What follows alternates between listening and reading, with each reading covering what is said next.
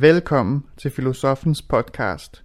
Du lytter til en sæson, der handler om mytologi og litteratur. Hvorfor får vi ikke, hvad vi blev lovet af alle kærlighedsmyterne? Det spørgsmål emmer af den skuffelse, som tager livet af mange moderne forhold, mener Anders Fogh Jensen. Derfor er det vigtigt at beskæftige sig med dem i dag. Udsendelsen er fra P1 Eksistens den 21. maj 2012. Rigtig god fornøjelse. Vi skal beskæftige os med myter, fordi myter er overalt i vores kultur og i vores bevidsthed. Og øh, fordi myter virker orienteringsgivende på os. Vi kan for eksempel tænke på, hvordan at de myter, vi har om kærlighed, de myter, vi fortæller hinanden om, hvad kærlighed er, kommer til at forme det, de faktiske øh, følelser, vi har omkring, hvorvidt vores øh, forhold lykkes eller ikke lykkes. Øh, så der er nogle, nogle historier, som florerer i vores kultur, og tit florerer de jo som øh, individuelle Hollywood-film eller sådan noget, men som så er varianter over nogle mere grundlæggende myter.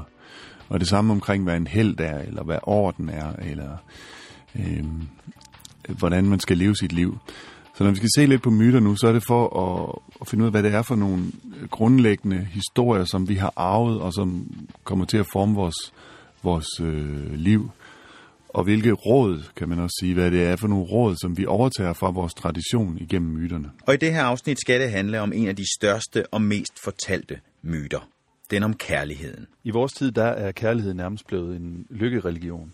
Det er, en, det er blevet en, det, der lover øh, både en enorm intens lykke og en nærmest personlig fuldendelse.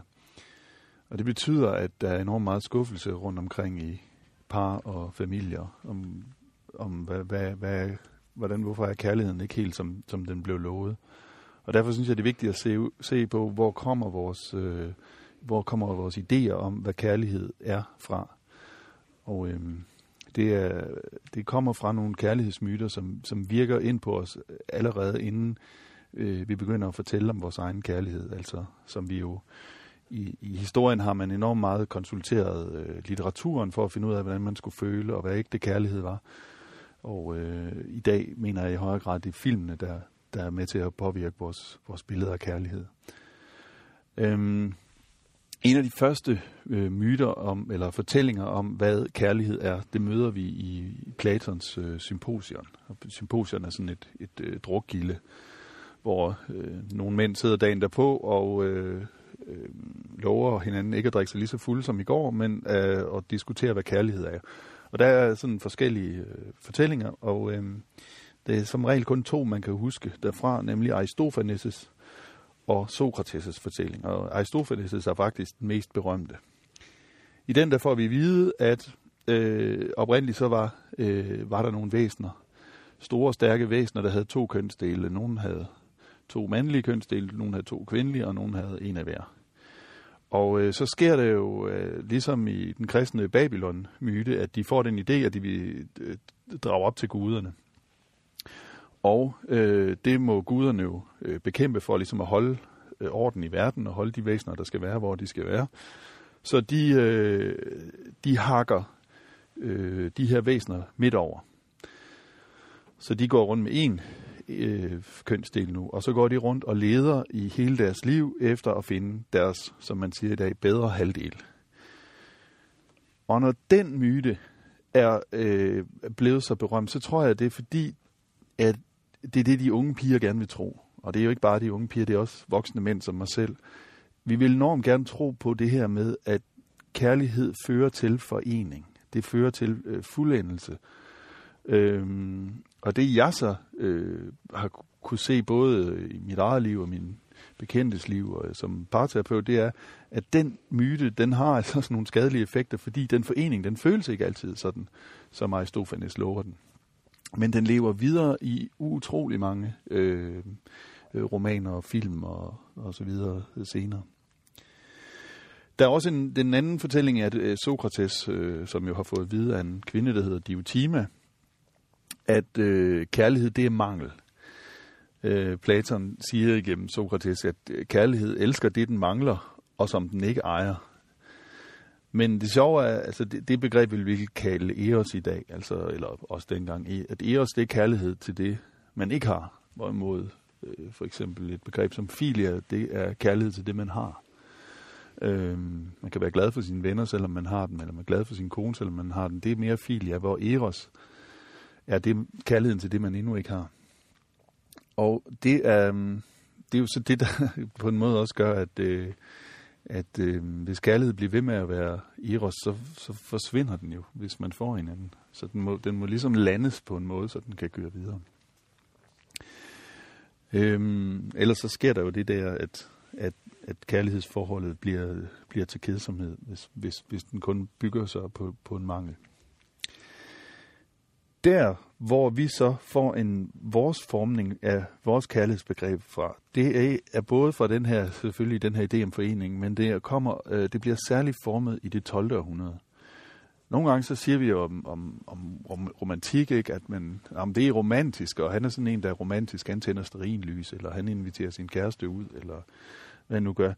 Men faktisk så øh, forstår romantikerne så hen i, i, i omkring... Øh, slutningen af det 18. og begyndelsen af 1900, de forstår slet ikke sig selv som øh, øh romantikere. De kalder sig neoromantikere. Og det, det vil sige, at de introducerer nogle idéer fra troubadourdækningen i det 12. århundrede igen. Så, så, så når, vi, når vi siger romantik, så mener vi egentlig bare, at det er noget, der er romansk. Det kommer fra Sydfrankrig i det 12. og 13. århundrede. Og hvad er det, der formes der? Ja, der formes den idé, at kærlighed kommer fra en trekant. At der, og den trekant har damen i centrum. Vi, vi kender det fra billedkortene, for eksempel i, i kortspillet, ikke? at der er knægt damekongen. Og øh, det er egentlig det, at knægten gerne vil have damen. Han er ikke i samme, øh, på samme hierarkiske lag som hende, men han begærer hende øh, uendelig meget og vil gøre alt muligt.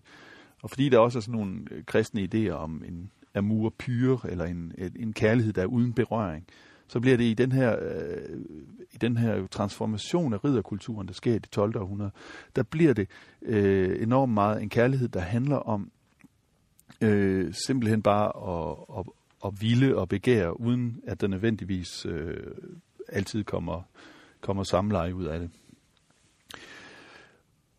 det, der sker i, med ridderkulturen, hvor, hvor de ridderromaner, som vi havde inden, de, de handlede om, hvordan man massakrerede. Altså, nogle krigskarle, der, der, der massakrerede og øh, var helte på grund af altså et krigsheroer.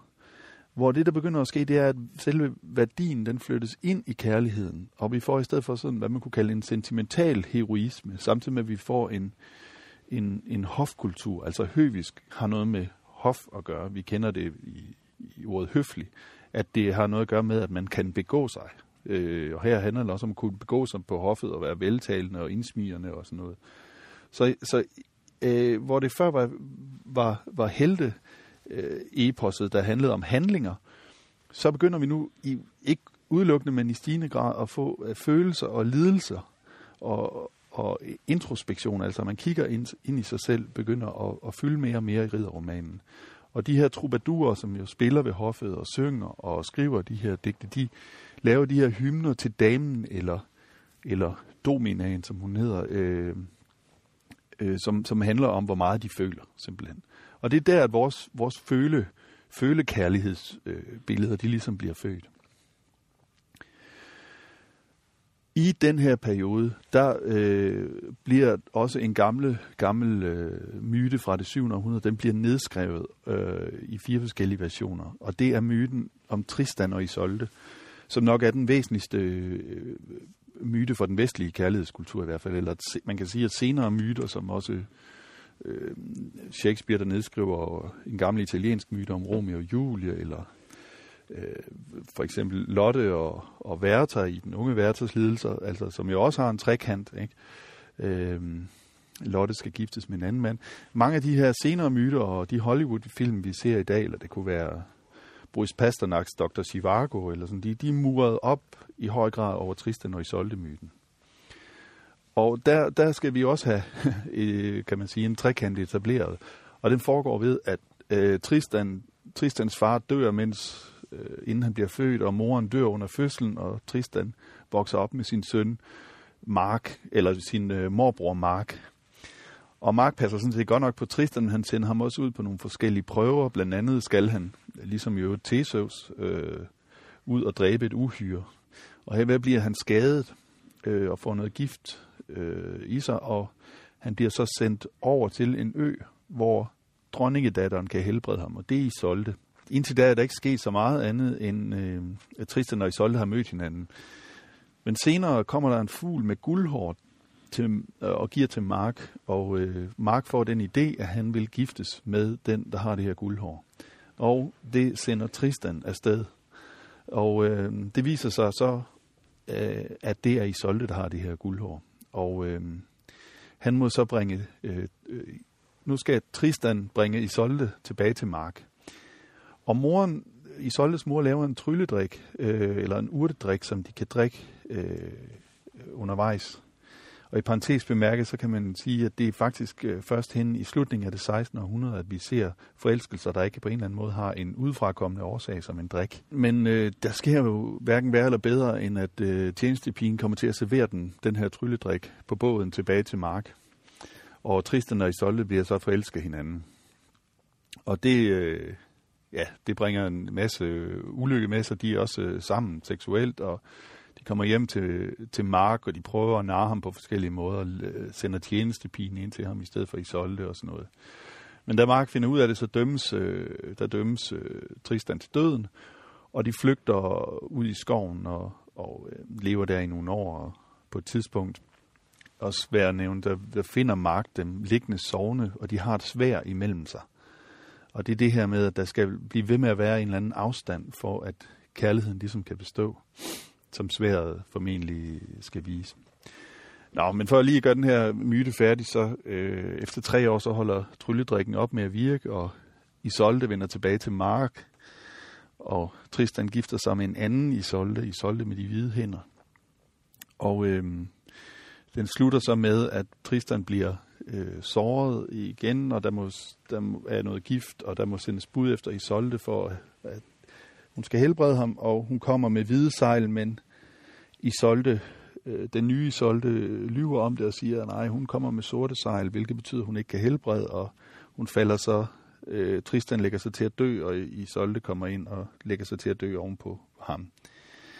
Og i forhold til det her med, at vi enormt gerne vil tro på, øh, på foreningen, på den, på den bedre halvdel, altså hvordan, hvordan kan vi bruge den her myte til at, at, at forstå os selv i det perspektiv?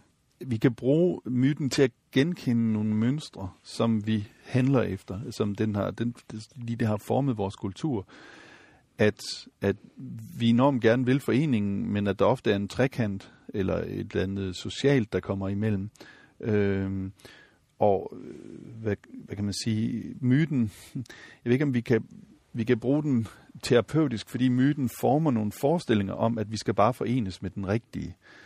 Men indsigten i, at de forestillinger også er formet, øh, er, og måske ikke behøver at være sådan, det er væsentligt nok, og derfor kan indsigten i myten også den både fortælle, hvad der måske, men den kan også øh, fortælle, at der er nogle idéer her, der kører med os. Og det synes jeg, at altså, jeg synes, det er vigtigt, at man ikke forveksler kærlighed med de illusioner eller de, de forestillinger, vi har om den. Og, øh, og det er det, vi mener, sådan noget indsigt i de her kærlighedsmyter kan.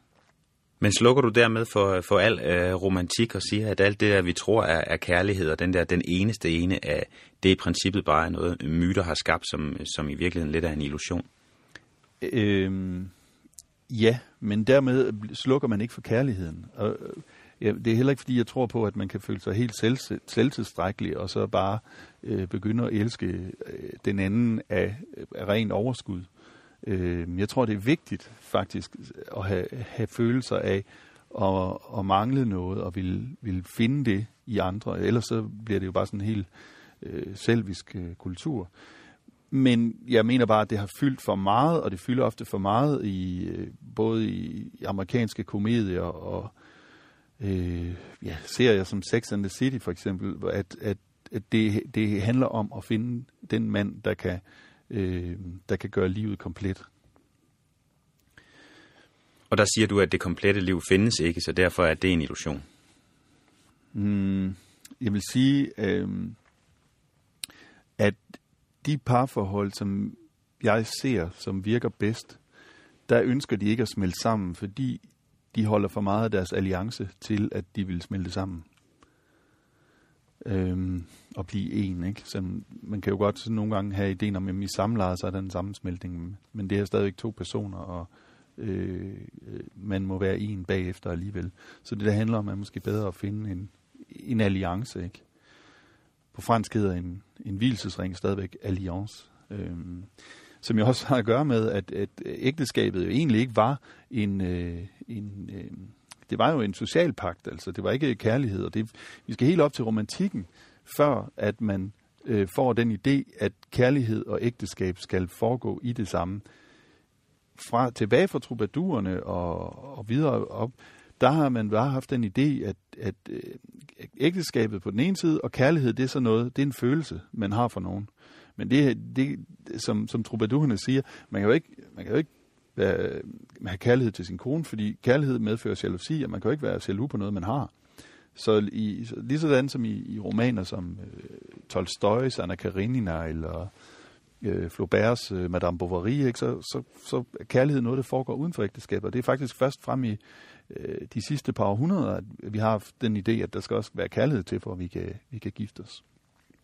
Nu har vi jo været omkring i den her serie om, om myter, altså både, både kærlighed i dag, og i, øh, i sidste uge var det skæbne, og vi har omkring orden og kaos, og sådan i hele taget, hvad en myte er, er konstrueret af. Mm. Hvilken rolle synes du sådan samlet set, at, at, at myterne spiller for os i dag?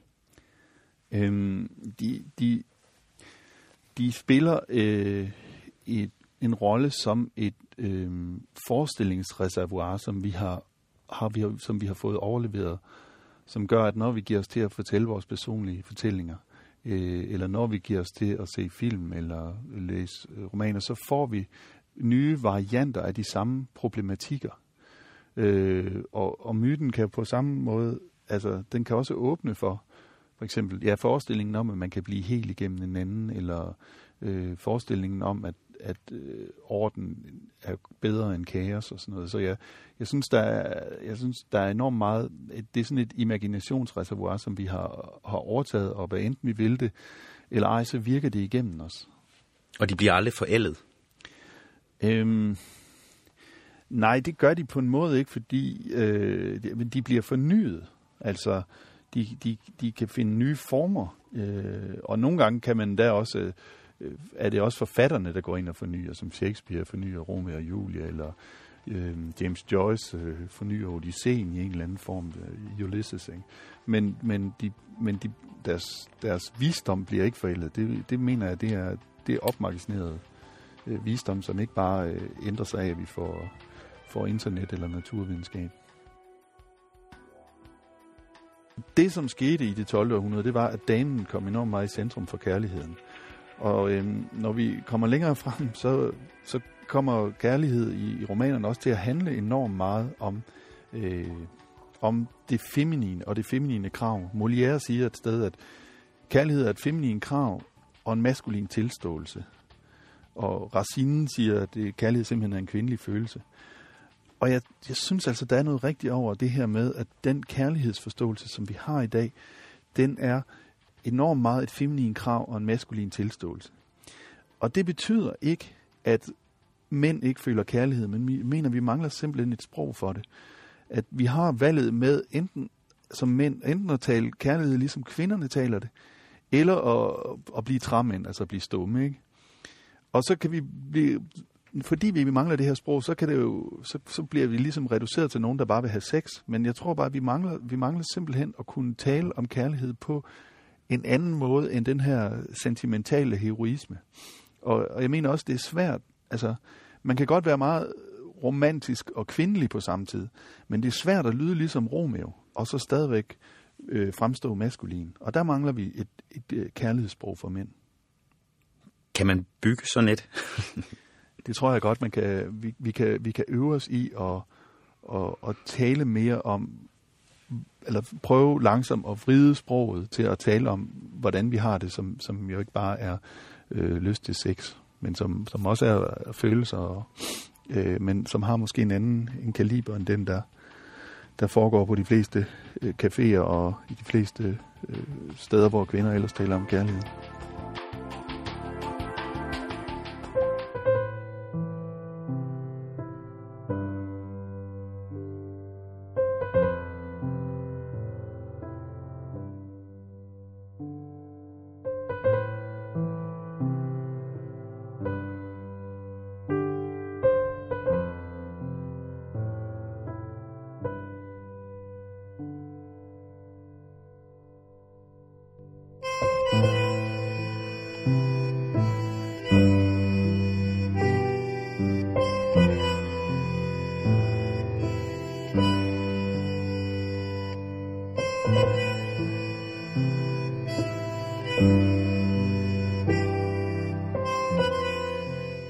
Du har lyttet til Filosofens podcast. Se mere på min hjemmeside filosofen.dk og tag med mig på dannelsesrejse. Se dannelsesrejser.dk. Mit navn er Anders Fogh Jensen. Tak fordi du lyttede med.